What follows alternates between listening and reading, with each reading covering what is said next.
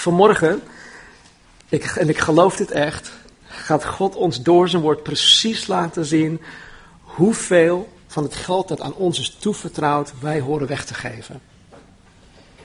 En misschien is het niet zoiets van God spreekt tot jou van joh, hè, of ik zeg ja, je moet uh, dit percentage of dit bedrag uh, weggeven, maar God zal tot een ieder van ons spreken en precies laten weten wat wij horen weg te geven.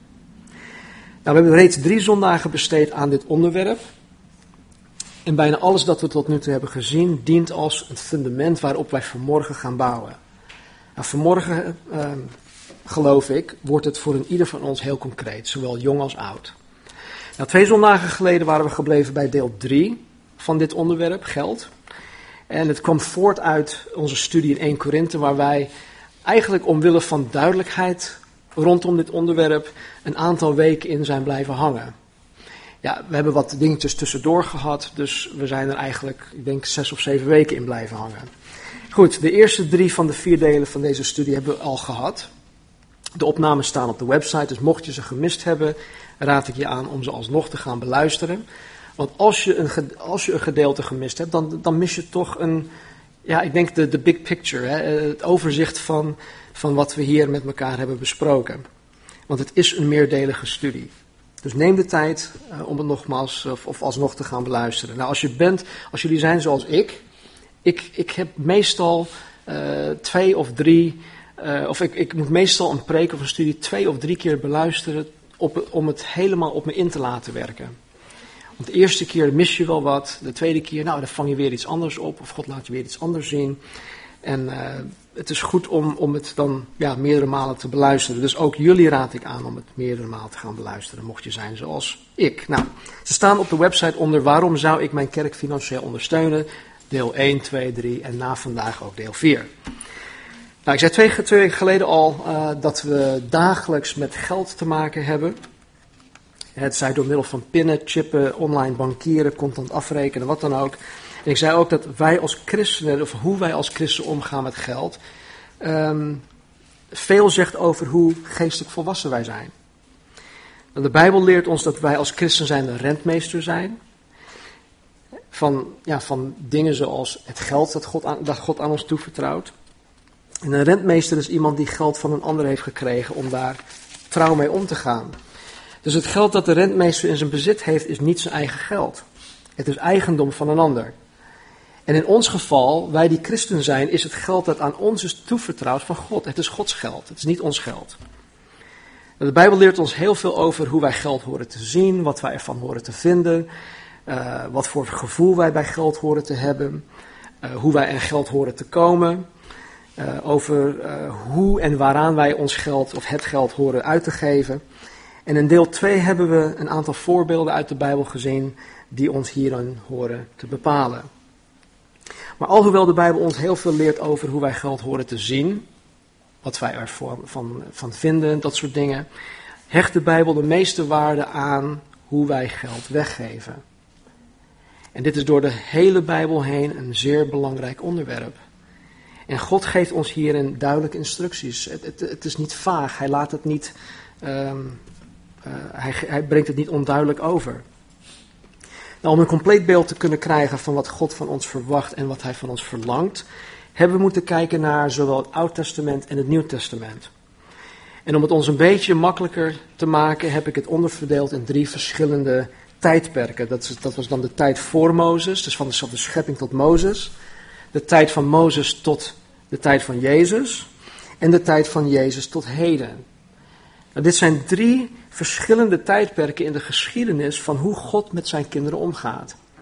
En alhoewel deze drie tijdperken verschillend zijn, is de manier waarop God wil dat zijn kinderen geven exact hetzelfde. Daar zit helemaal geen verschil in. We hebben gezien dat er in principe twee soorten offers zijn. Eén, vrijwillige offers, hè, dus waarin je iets offert omdat je het wil. En twee, verplichte offers, waarin je iets offert omdat het moet.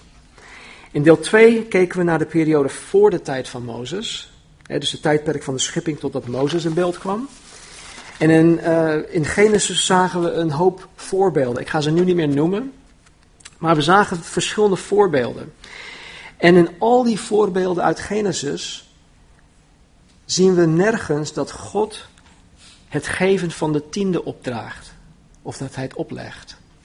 De tiende kwam twee keer voor. Maar in beide gevallen zagen we dat het spontaan was vanuit Abrahams hart en Jacobs hart dat zij hun tiende of een tiende wilden geven. Nergens staat er dat God zei dat het moest. Er staat ook niks over een, een ander percentage of over de, de, frequentie van het geven van deze tiende. Nee, het was eenmalig. En Abraham, volgens de Bijbel, heeft Abraham het nooit meer gedaan. Hij heeft het één keer gedaan. Dus in Genesis, um, uit alle offers die ooit aan God geofferd waren, komt het geven van de tiende dus slechts twee keer voor. En in beide gevallen was er geen sprake van een gebod. Het was geheel vrijwillig. Nou, in deel 3 hebben we gekeken naar de verplichte offers. In zowel de tijdperk voor Mozes als in de tijdperk van Mozes. Nou, ten eerste hebben we gezien dat het geven van de verplichte offers in Genesis niets anders was dan het betalen van belasting. In Genesis 41 gaf God de opdracht aan de farao om 20% van de opbrengst van het land te vorderen. En dat had hij ook gedaan. Het Egyptisch volk moest dus 20% van de opbrengst van hun inkomen aan de overheid afstaan. Dit is belasting.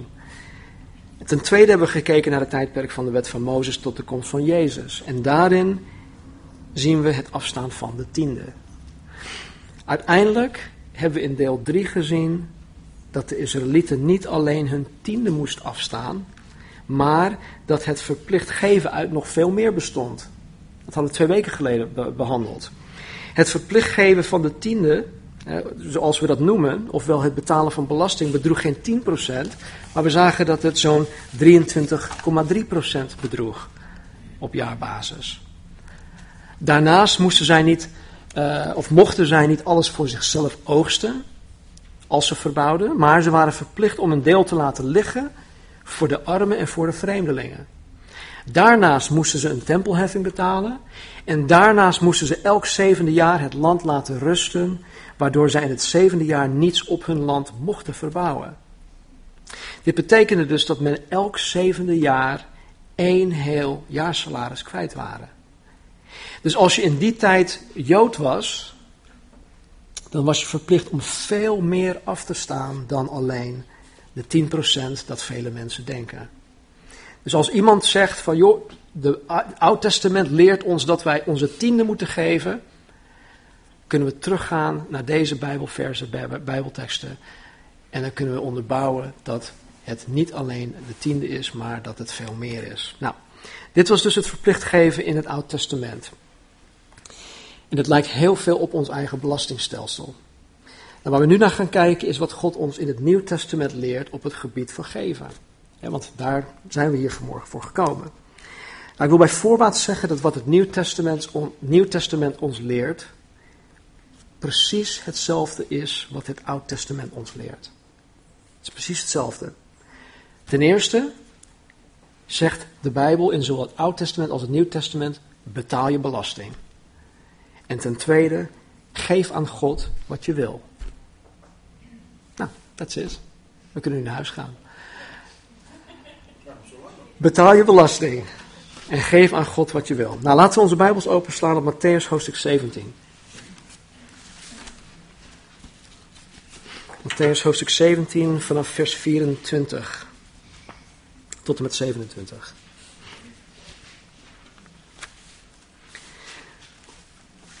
Toen zij, toen Jezus en de discipelen Capernaum binnengekomen waren, gingen zij die de die drachme inde, dat zijn dan, dan de tempelbelasting, naar Petrus toe en zeiden, betaalt uw meester de tempelbelasting niet? Hij zei, jawel. En toen hij in huis gekomen was, was Jezus hem voor en zei, wat denkt u Simon? De koningen van de aarde. Van wie ontvangen zij tol of belasting? Van hun zonen of van vreemden? Peter zei tegen Jezus, van vreemden. En Jezus zei tegen hem: Dan zijn de zonen dus vrijgesteld. Maar om hun geen aanstoot te geven, ga naar de zee, werp een vishaak uit en pak de eerste vis die, die boven komt. Doe ze bek open en u zult een stater vinden, dus een munt. Neem die en geef hem aan hen voor mij en voor u. Tot zover. In die tijd, toen de evangeliën geschreven werden, was de belastingwet vanuit de tijd van Mozes nog steeds van kracht. De mensen moesten in die tijd nog steeds alles afstaan dat de Israëlieten in de tijd van Mozes moesten afstaan. En dus ook de, de tempelbelasting, wat hier de didrachmen genoemd wordt. Het mooie van dit stuk is dat we Jezus belasting zien betalen. Ondanks dat hij niet alleen de zoon van een koning is, maar hij is zelf een koning. En hij is niet alleen een koning, hij is de koning der koningen. Maar kijk, wat hij zegt. Hij zegt om hun geen aanstoot te geven. Betaal de belasting. En dat zien we ook weer terug in 1 Korinthe hoofdstuk 9. Dat stukje aanstoot geven of het niet aanstoot geven. Dus Jezus betaalt zijn belasting. Jezus die ons in alles voorgaat. Die ons grootste voorbeeld is, geeft ons het goede voorbeeld door zijn belasting te betalen. Even verderop in Matthäus hoofdstuk 22. 22 vers 15. Toen gingen de fariseeën weg en beraadslaagden hoe zij hem, dus Jezus, op zijn woorden konden vangen. En ze stuurden hun discipelen naar hem toe met de Herodianen. En ze zeiden, meester, we weten dat u waarachtig bent en de weg van God in waarheid onderwijst en zich door niemand laat beïnvloeden, want u ziet de persoon van de mensen niet aan. Zeg ons dan, wat denkt u? Is het geoorloofd de keizerbelasting te betalen of niet? Maar Jezus, die hun boosaardigheid kende, zei: Huigelaars of hypocrieten, waarom verzoekt u mij? Toon mij de belastingmunt. En ze brachten hem een penning. En Jezus zei tegen hen: Van wie is deze afbeelding en het opschrift? Ze zeiden tegen Jezus: Van de keizer. Toen zei Jezus tegen hen: Geef dan aan de keizer wat van de keizer is en aan God wat van God is. En toen ze dit hoorden, verwonderden zij zich en zij verlieten hem en gingen weg. Tot zover. Als Jezus had gezegd, ja, natuurlijk moeten we belasting betalen, dan had hij al de Joden op zijn nek. Als hij had gezegd van nee, we hoeven geen belasting te betalen, want ja, het Romeins Rijk die ons uh, onderdrukt, ja, laat maar. Dan had hij de Romeinen op zijn nek. Dus het was een, het was een uh, trick question, hoe zeg je dat? Een, st een strikvraag. Ze wilden hem in zijn woorden bevangen. Maar het is er niet gelukt. En de, de diepte van wat Jezus hier zegt, dat, dat gaat zo ver, dat gaat zo diep. Goed, we gaan er snel doorheen. Jezus geeft hier nogmaals aan dat zij hun belasting moesten betalen. Het betalen van belasting omvangt dus het verplicht geven en het is in het Nieuw Testament dus echt zeker van toepassing. Nou, misschien ben je zo eigenwijs, kan ik me voorstellen, dat je zegt, of dat je zoiets zegt van ja, maar goed, stem, ik ben geen Jood en ik woon niet in Israël, dus dit is niet van mij op, op mij van toepassing. In Romeinen 13 staat dat de overheid hier in Nederland door God is ingesteld. Believe it or not. en dat wij ons aan haar horen te onderwerpen. In Romeinen 13 vers 5 tot en met 7 staat er dit. Doe daarom wat de overheid zegt. Niet alleen uit vrees voor straf, maar ook om een zuiver geweten te houden. Daarom betaalt u ook belasting. Want de mensen die in dienst staan van de overheid zijn eigenlijk in dienst van God. Zij letten erop of er wel belasting wordt betaald. Geef ieder wat hem toekomt. Als u belasting of invoerrechten moet betalen, doe dat dan. Als iemand een hoge positie heeft, laat dan merken dat u respect hebt voor hem. Het betalen van belasting is in de zuiverste zin het verplicht geven aan God. Dus als je hier en daar de belastingdienst tekort doet, dan doe je uiteindelijk God tekort. Dan maak je jezelf schuldig aan Malachi hoofdstuk 3, waarin uh, de Bijbel zegt dat, dat, dat, dat de mensen uh, van God hadden gestolen. En daar willen we ons niet aan schuldig maken. Nou, hier komt het. Wat verwacht God van ons ten aanzien van het vrijwillig geven of weggeven van geld? Ik wil voor alle duidelijkheid zeggen dat nog Jezus, nog Paulus, nog enig andere schrijver van het Nieuw Testament ons het geven van de tiende opdraagt. Misschien denk je van, oké, ik, heb het, ik heb mijn hele christelijk leven al mijn tiende gegeven. Wat is daar nou mis mee? Nou, niks. Doe het vooral. Maar weet dat het niet uh, opgelegd wordt. Nog door Jezus, nog door Paulus, nog door elke andere schrijver van het Nieuw Testament.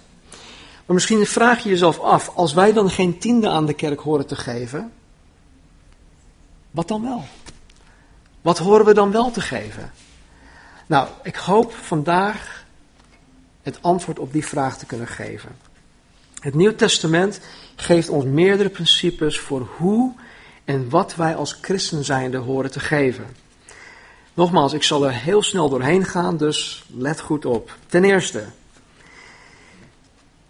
het eerste, of, uh, eerste, ja, het eerste principe is het vrij, van het vrijwillig geven aan God. Dus het vrijwillig geven aan God is investeren in God.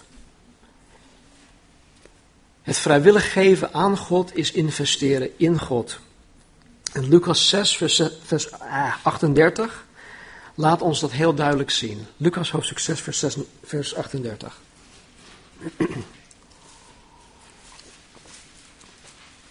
Jezus zegt: Geef en aan u zal gegeven worden. Geef en aan u zal gegeven worden. Dit is een principe van investering. We hoeven geen econoom of bankier te zijn om, te, om, dit te kunnen begrijpen. Er staat, wanneer je aan God geeft, dan levert het een rendement op. Geef en het zal u gegeven worden. En niet zomaar een rendement. En er staat ook geen kleine lettertjes bij. Ook geen disclaimer van. Precies, dat. Er staat gewoon: geef en u zal gegeven worden. In het tweede gedeelte staat er: een goede, vastgedrukte, geschudde, overlopende maat zal men in uw schoot geven. Want met dezelfde maat waarmee u meet, zal er bij u ook gemeten worden. God zal ervoor zorgen dat wanneer je in God investeert, dat Hij je een goed rendement geeft. Punt uit. Wat God geeft, is vastgedrukt. Nou, dit moet je even, denk even met me mee. Dit moet je zien als een, een verpakking of een doos dat helemaal volgepropt is, dat de inhoud ervan erin geperst is. Denk even aan die vacuüm verpakte koffiedingetjes. Die zijn keihard als, als, je, als ze nog gesloten zijn. Op het moment dat, dat je een sneetje erin maakt, komt de lucht in en dan zetten ze uit. Maar het is, het is zo verpakt. Dat, dat, dat bedoelt Jezus met het vastdrukken. Het is zo vol dat je er niets meer in krijgt. Het rendement dat God geeft is ook geschud. Denk even aan het vullen van een, van een bus met, met gemalen koffie of met, met bloem of iets dergelijks. Marnie koopt dan bloem en uh, die heeft van die mooie containers en uh, die, die, die giet het er dan in. Nou, dan is het vol. Maar ja, ze heeft nog steeds wat over in, in, in die zak. Wat doet ze dan? Ze gaat het schudden. En wat gebeurt er? Het zakt naar beneden. Het wordt meer compact, waardoor je er meer in kan krijgen.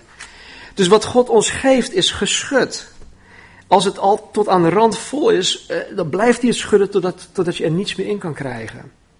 En als dat nog niet genoeg is, het is vastgedrukt, het is geschud, dan is het nog steeds, of dan loopt het over zelfs. Wat God geeft, staat er, zal zelfs overlopen. Dus het is vastgedrukt, het is geschud en het loopt over. Dus wanneer je in God investeert, zal het winst opleveren in, in een overlopende maat. Nou, de, de, de, de woorden die hij hier gebruikt, dan moet je even terugdenken aan, aan, aan de studie van Rut. Die Joey in de, in de zomertijd had gegeven. Weten jullie nog toen, toen Rut bij, bij Boas op zijn veld aarde was uh, aan het rapen? Nou, vervolgens had Boas zes maten gerst in haar schoot geworpen om mee naar huis te nemen. Nou, dan moet je niet denken van, joh, even een schepje in, in de schoot werpen. Nee, ze droegen waarschijnlijk van die lange uh, ja, blouses of, of jurken en, en die deden ze om. En kijk, hier kan wat in. Dus ze, ze, ze wierpen gerst in hun schoot. En wat Jezus hier ook zegt is dat, dat, uh, dat in overlopende maat zal men in uw schoot geven. Dus je kan heel veel meekrijgen. En dit is wat Jezus hiermee mee bedoelt. In, in onze taal zou, hij, zou Jezus misschien gezegd hebben: uh, In overlopende maat zal jou, jouw Eastpak rugtas volgepropt worden. Of zoiets. En Jezus zegt dat met dezelfde maat waarmee u meet, zal er bij u ook gemeten worden. Met andere woorden, als je veel investeert, krijg je er veel voor terug. Als je niets investeert, dan krijg je ook niets. Zo simpel werkt dat. Nou, bovendien zal God nooit bij iemand in het krijt staan. Nooit. Hij zal er altijd voor zorgen dat hij jou meer teruggeeft dan dat je aan hem gegeven hebt. Matthäus 6, vers 19. Matthäus 6, 19 tot met 21. Verzamel geen schatten voor u op de aarde, waar mot en roest ze verderven, en waar dieven inbreken en stelen. Maar verzamel schatten voor u in de hemel, waar geen mot of roest ze verderft, en waar dieven niet inbreken of stelen. Want waar uw schat is, daar zal ook uw hart zijn. Stel dat ik een erfenis van 50.000 euro ontvang. Als ik die 50.000 euro investeer op de effectenbeurs, dan zal ik geheid op de effectenbeurs gaan letten. Ik zal me waarschijnlijk gaan abonneren op uh, updates om het half uur. Hè, op mijn iPhone of via sms of uh, via de e-mail en dat soort dingen. Want ik wil op de hoogte blijven. Ik wil weten wat met die investering aan het gebeuren is. Uh, levert het wat op of leidt ik verlies enzovoort enzovoort. Ik zal me ongetwijfeld gaan verdiepen in de economie en andere financiële zaken die invloed zouden kunnen hebben op mijn investering. Kortom, waar mijn schat is, daar zal ook mijn hart zijn. En als mijn schat van 50.000 euro in de effectenbeurs zit, dan zal mijn hart ook in de effectenbeurs zitten. Ik zal daar continu aan gaan denken. Maar als mijn schat van 50.000 euro in God geïnvesteerd is, dan zal mijn hart ook naar God uitgaan.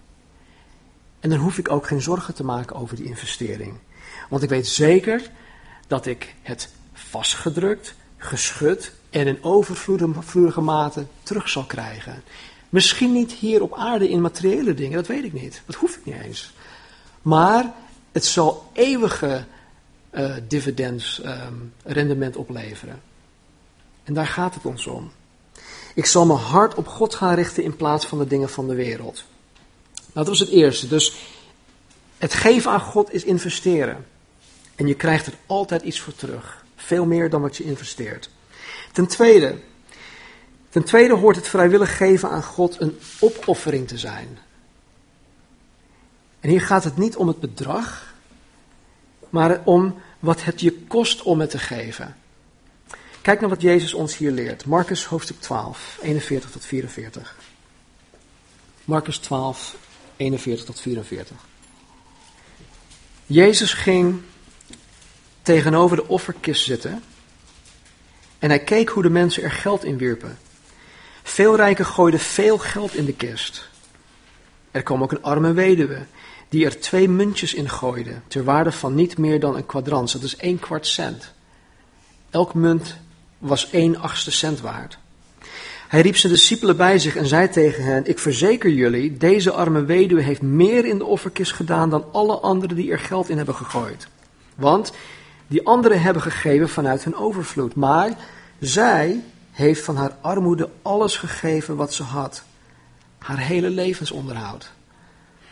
Jezus zegt dat deze weduwe veel meer heeft gegeven dan al die rijke lui. Omdat het haar alles heeft gekost dat zij bezat. Het punt dat Jezus hier maakt is dat het geven je iets moet kosten. Misschien hoeven we niet zoals deze weduwe alles te geven, maar ik durf te zeggen dat wij meer kunnen geven, meer kunnen opofferen dan wat wij nu doen. Ik spreek nu ook voor mezelf. We kunnen meer opofferen dan wat we nu doen. En wat we hierin zien is dat het kleinste bedrag dat gegeven was, was tegelijkertijd ook de grootste gave. Een kwart cent. En God ziet dat als de grootste gave die op die dag gegeven werd. Dit leert ons niets over het geven van de tiende. Nee, het leert ons dat het geven ons iets moet kosten. In Filippenzen 4, 18 en 19 zegt Paulus: Ik heb alles ontvangen en ik heb overvloed. Ik ben geheel voorzien.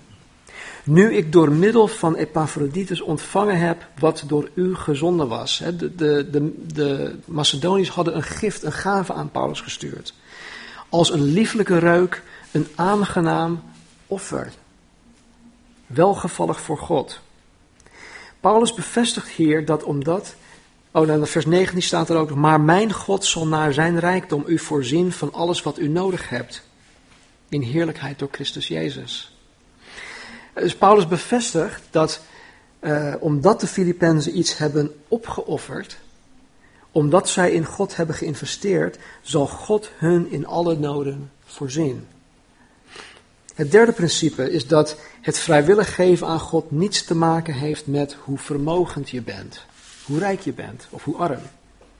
Weet je, mensen zeggen vaak dat uh, wanneer ze meer geld hebben, wanneer dingen niet zo krap zijn, dan pas zullen ze meer aan God geven.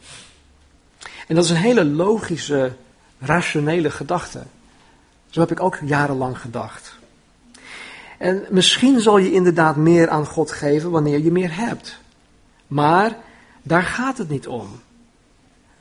Het gaat niet om het bedrag, maar het gaat om de verhouding. Lucas 16:10. Jezus zegt dit. Wie trouw is in het minste, is ook in het grote trouw. En wie onrechtvaardig is in het minste, of wie ja, niet goed doet in het minste, is ook in het grote onrechtvaardig. Wat Jezus hiermee bedoelt is dat als je niets tot weinig opoffert wanneer je weinig hebt, dan zal je ook niets tot weinig blijven opofferen, al heb je meer. En dat heb ik ook persoonlijk meegemaakt. Zo heb ik dat ook ervaren. Ik, ik weet dat uit ervaring. Ik heb het jarenlang gedacht, ik heb jarenlang daarnaar gehanteerd. Want het, het heeft niets te maken met de hoeveelheid, maar het heeft te maken met je hartsgesteldheid. In 2 Korinthe 8 zien we dat de Macedoniërs heel veel weggaven. Maar ze gaven zoveel weg niet omdat ze zo rijk waren. In 2 Korinthe 8 vers 2 staat er dit. Hoewel ze door verdrukkingen zwaar werden beproefd, vloeiden ze over van vreugde.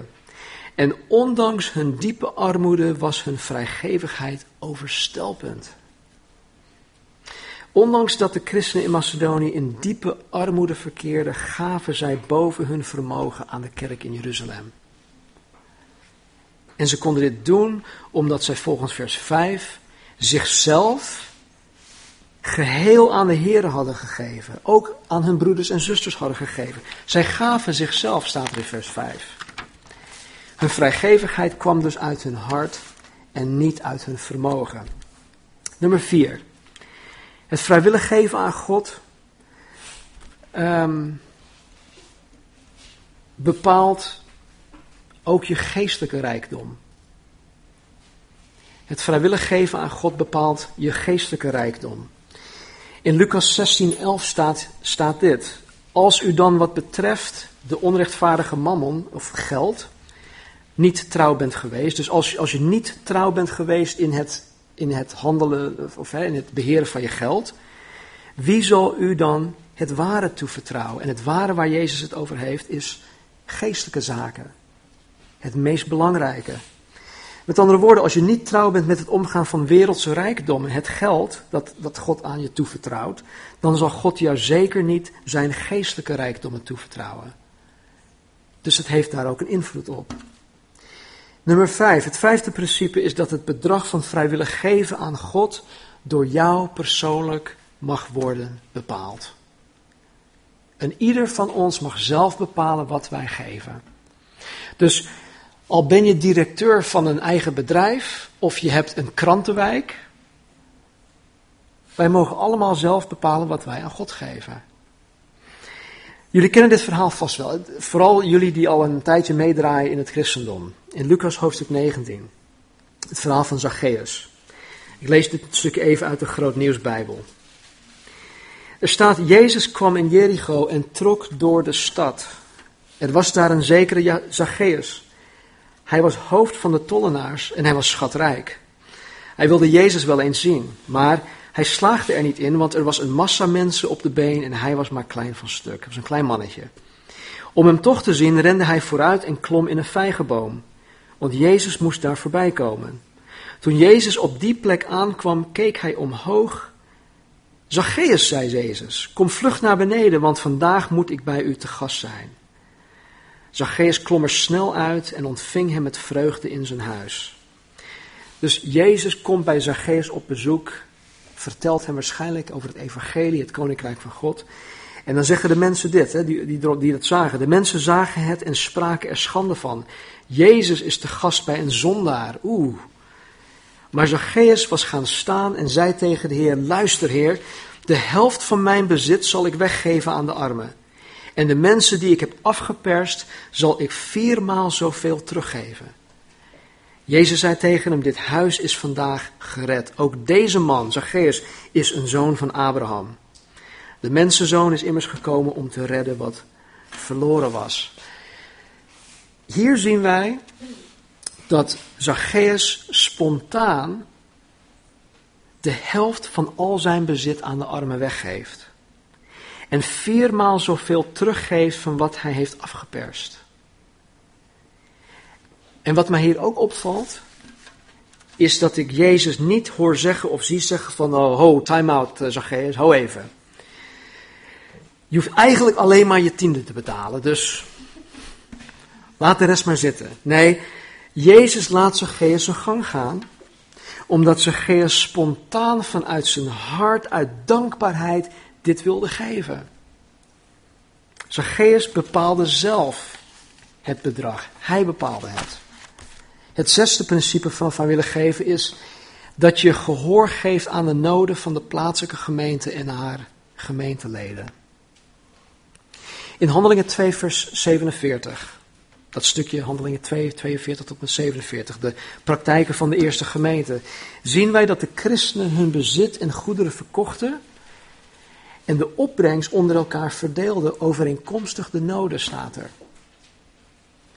Dus ja, wij horen zoals Zacchaeus spontaan uit ons hart, uit dankbaarheid te geven.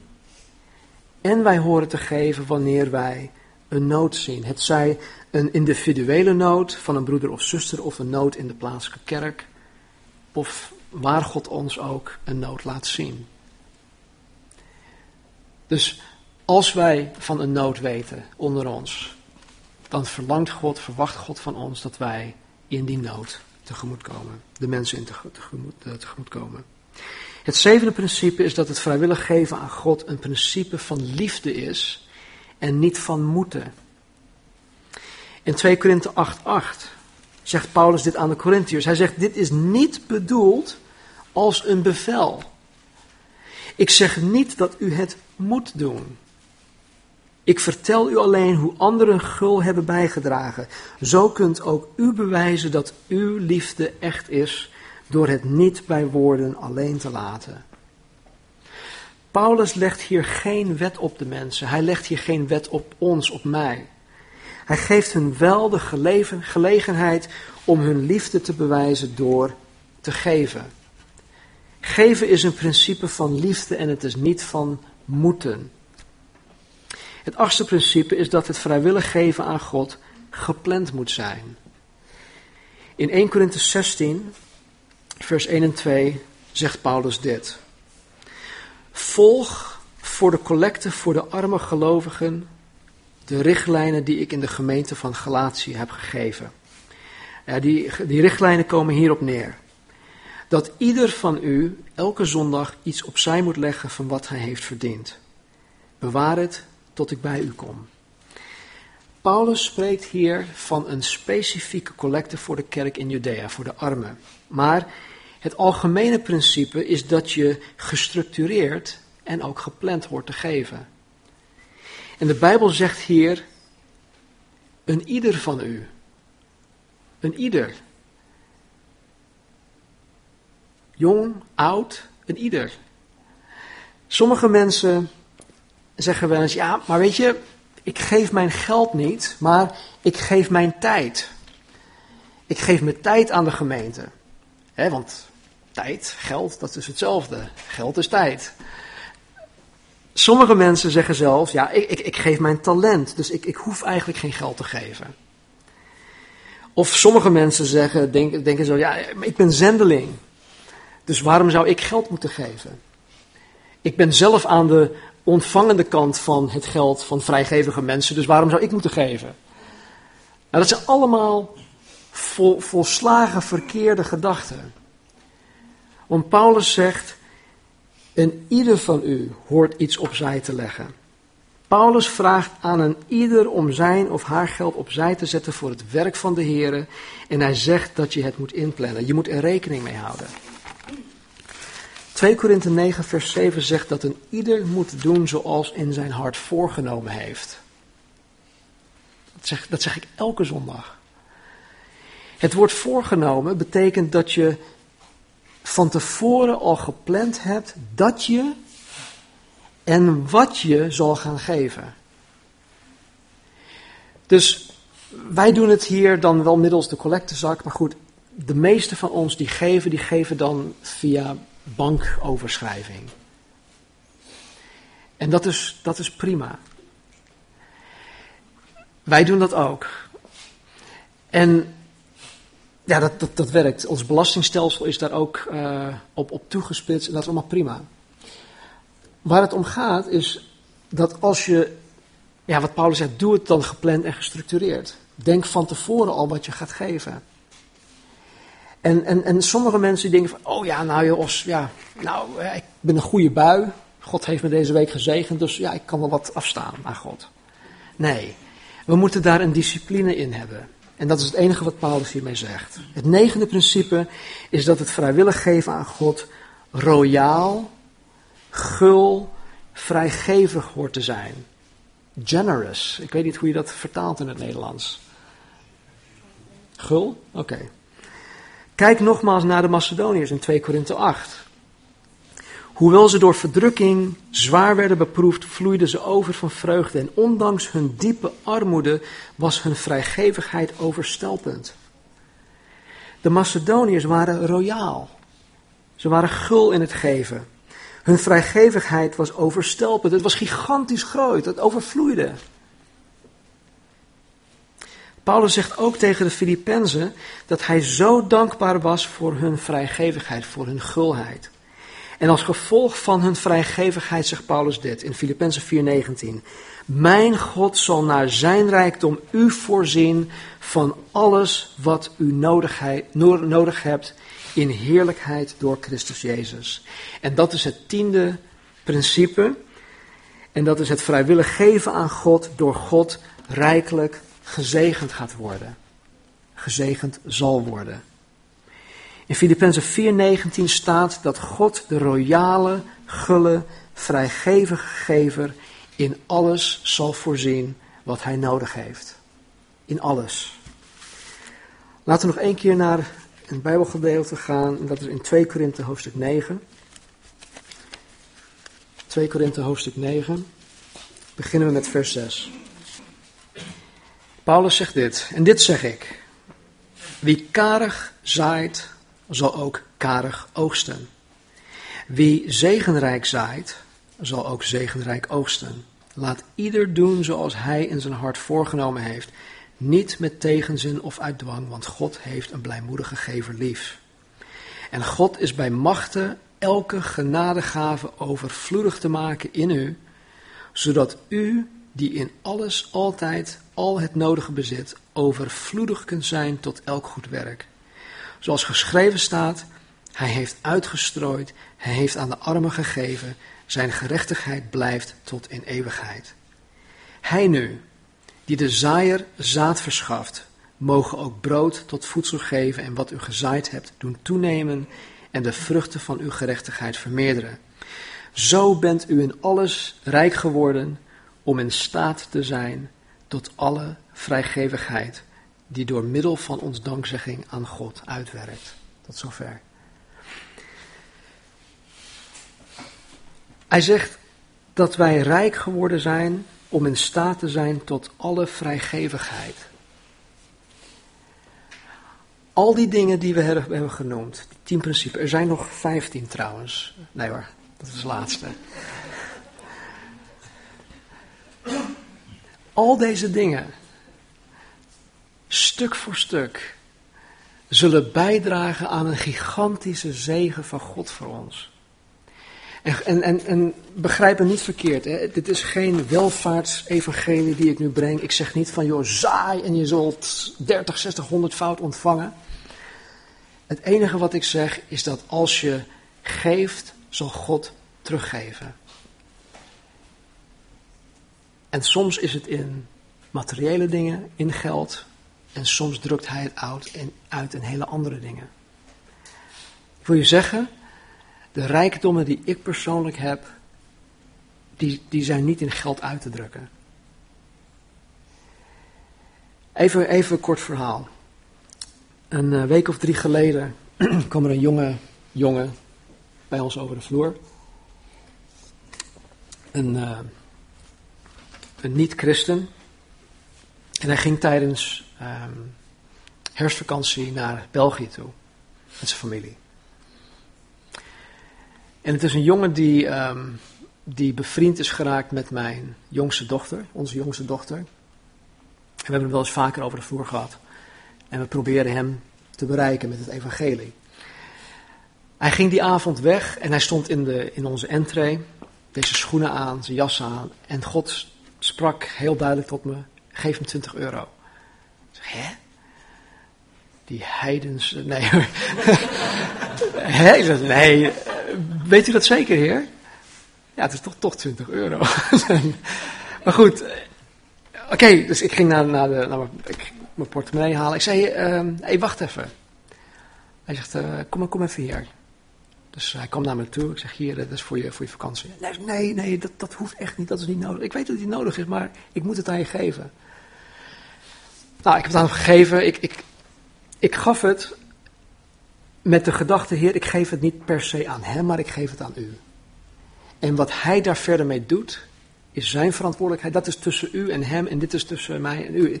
Ik, denk, ik heb er ook niet meer na, over nagedacht. Achteraf hoorde ik dat hij best wel wat ellende heeft veroorzaakt in het leven van mijn jongste dochter. Maar ik ga nu niet denken van, oh, ik zei bijna weer. Ik werd, ik, werd erop geattendeerd dat ik eh, een paar weken geleden um, vloekte of zoiets. Maar ja, ik, ik, ik, wist niet dat ik had gedaan. Ik deed bijna weer. Maar goed, um, ik had niet, zo, niet, niet zoiets van, joh, waarom heb ik het nou gegeven? Die jongen, wat een sukkel. Maar ik had het aan God gegeven en ik dacht van, ja, nou, ik, ik hoef me daar niet eens zorgen over te maken. Ik denk er ook niet eens meer over na. En dat is het mooie als je, als je, als je in de naam van God of namens God of aan God iets geeft, dan, heb je, dan kan je het volle vertrouwen hebben dat God daarmee verder gaat. Dat, dat je niet hoeft te, te denken van, oh joh, had ik dat nou wel moeten doen? Want uiteindelijk ben ik ook een rentmeester. Hè? Ik, ik, moet toch een goede rentmeester zijn van het geld dat u aan mij gegeven heeft. Ja, uh, nou, ik, ik, ben niet zo iemand die elke dakloze uh, geld, aan, geld aangeeft. Maar ik wil wel zeggen dat als God het op je hart legt om aan iemand geld te geven, al weet je van die persoon, joh, dat is geen goede redmeester. Als God het je opdraagt, moet je het doen. En God zal je daarvoor zegenen. Gegarandeerd. Vastgedrukt, opgeschud, overvloeiend in je schoot geworpen. Het laatste wat ik wil zeggen is dit. Handelingen 20, vers 35. Jezus zegt: Het is zaliger te geven dan te ontvangen. Mensen, als dat het enige is dat wij meegekregen hebben vandaag, dan moet dat al genoeg zijn. Het is meer gezegend om te geven dan te ontvangen. Daar zit iets in. God heeft daar een bedoeling mee. En als je dat eenmaal hebt geproefd, als je eenmaal die ervaring hebt gehad met God, wat, wat voor wat betreft het geven, dan, dan wil je alleen maar geven. Laten we bidden. Vader, dank u wel voor uw woord. Dank u wel voor uw hart. Heere, u heeft alles gegeven. U heeft u, uw meest kostbare bezit, Heer, uw eigen zoon, gegeven aan ons. En Heer, wij willen vanmorgen uw voorbeeld navolgen. Heer, waar wij door de jaren heen misschien een, uh, een ander beeld hebben gekregen voor wat betreft het geven. Heren, ik bid dat, dat uw woord niet ledig tot u weder zal keren, maar dat het het doel zal bereiken, Heer, dat u voor ogen heeft. En dat is ons vanmorgen vrij te maken, vrij te stellen, Heer, van alle vormen van, van, um, van bondage, van um, En dat u ons, ja, vrijmaakt, Heer. En in die vrijheid, Vader, dat we vanuit ons hart, uit dankbaarheid, soms spontaan, maar vooral ook gedisciplineerd en gepland en gestructureerd, aan u zullen geven wat u aan ons heeft toevertrouwd. En Heer, ik weet zeker dat wanneer we dat meer zullen gaan doen, Heren, dat u ons daarin tegemoet zal komen. Want u, Heren, zal bij niemand in het krijt staan. Wij zullen u nooit meer kunnen geven dan dat u ons teruggeeft. U heeft het al bewezen, Heren, door uw eigen zoon te geven. Dus, Heren, waar wij, ja, en op deze tien gebieden, deze tien principes, Vader, waar wij tekortschieten, Help ons daarbij. Heer, misschien moeten we wat dingen nalaten. Misschien moeten we dingen opofferen, vader. Misschien moeten we, uh, ik, ik, noem maar wat, uh, minder duur gaan rijden. Of uh, minder vaak naar de film. Of minder vaak uiteten. Heer, wat het ook mag zijn. Heer, u bent daarin degene die tot ons hart spreekt. Dus Heer, spreek. En blijf spreken, Heer. En bepaal ons Dag in en dag uit, moment tot moment.